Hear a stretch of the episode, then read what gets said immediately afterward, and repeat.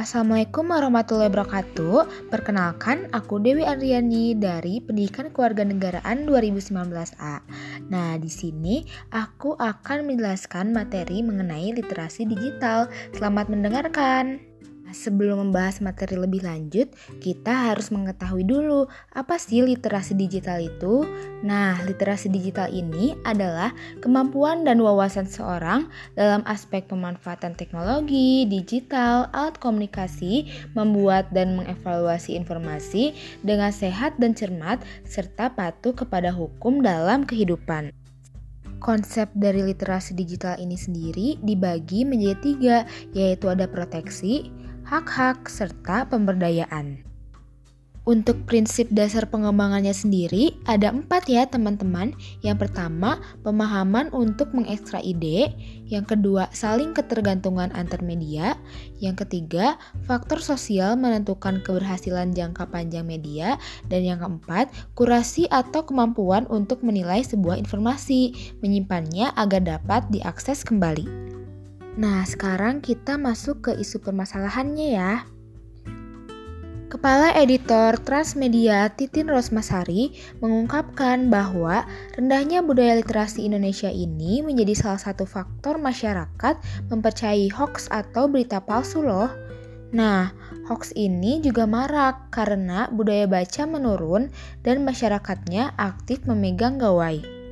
Nah, dampak dari permasalahan ini yaitu menurunnya kepercayaan masyarakat kepada media arus utama juga menyebabkan mereka lebih mempercayai berita hoax yang biasanya menggunakan judul kontroversi, mengagetkan, dan juga bombastis.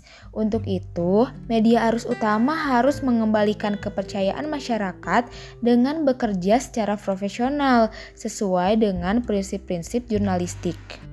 Lalu, bagaimana sih solusinya agar kita tidak termakan hoax? Yang pertama, hati-hati dengan judul provokatif. Yang kedua, cermati alamat situs, apakah terpercaya atau tidak. Yang ketiga, periksa fakta. Yang keempat, cek keaslian foto. Dan yang kelima, ikut serta grup diskusi anti hoax. Nah, pertanyaan terakhir nih, apakah kita mampu menyesuaikan teknologi digital literasi ini?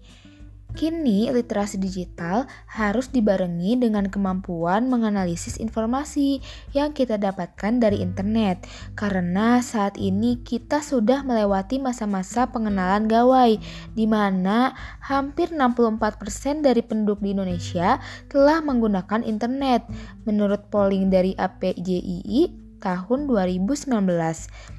Sebagian besar dari pengguna tersebut juga berada pada usia 15 sampai 19 tahun atau usia sekolah. Dengan demikian, pengenalan literasi informasi digital berada di tangan orang tua, guru, dan juga sekolah.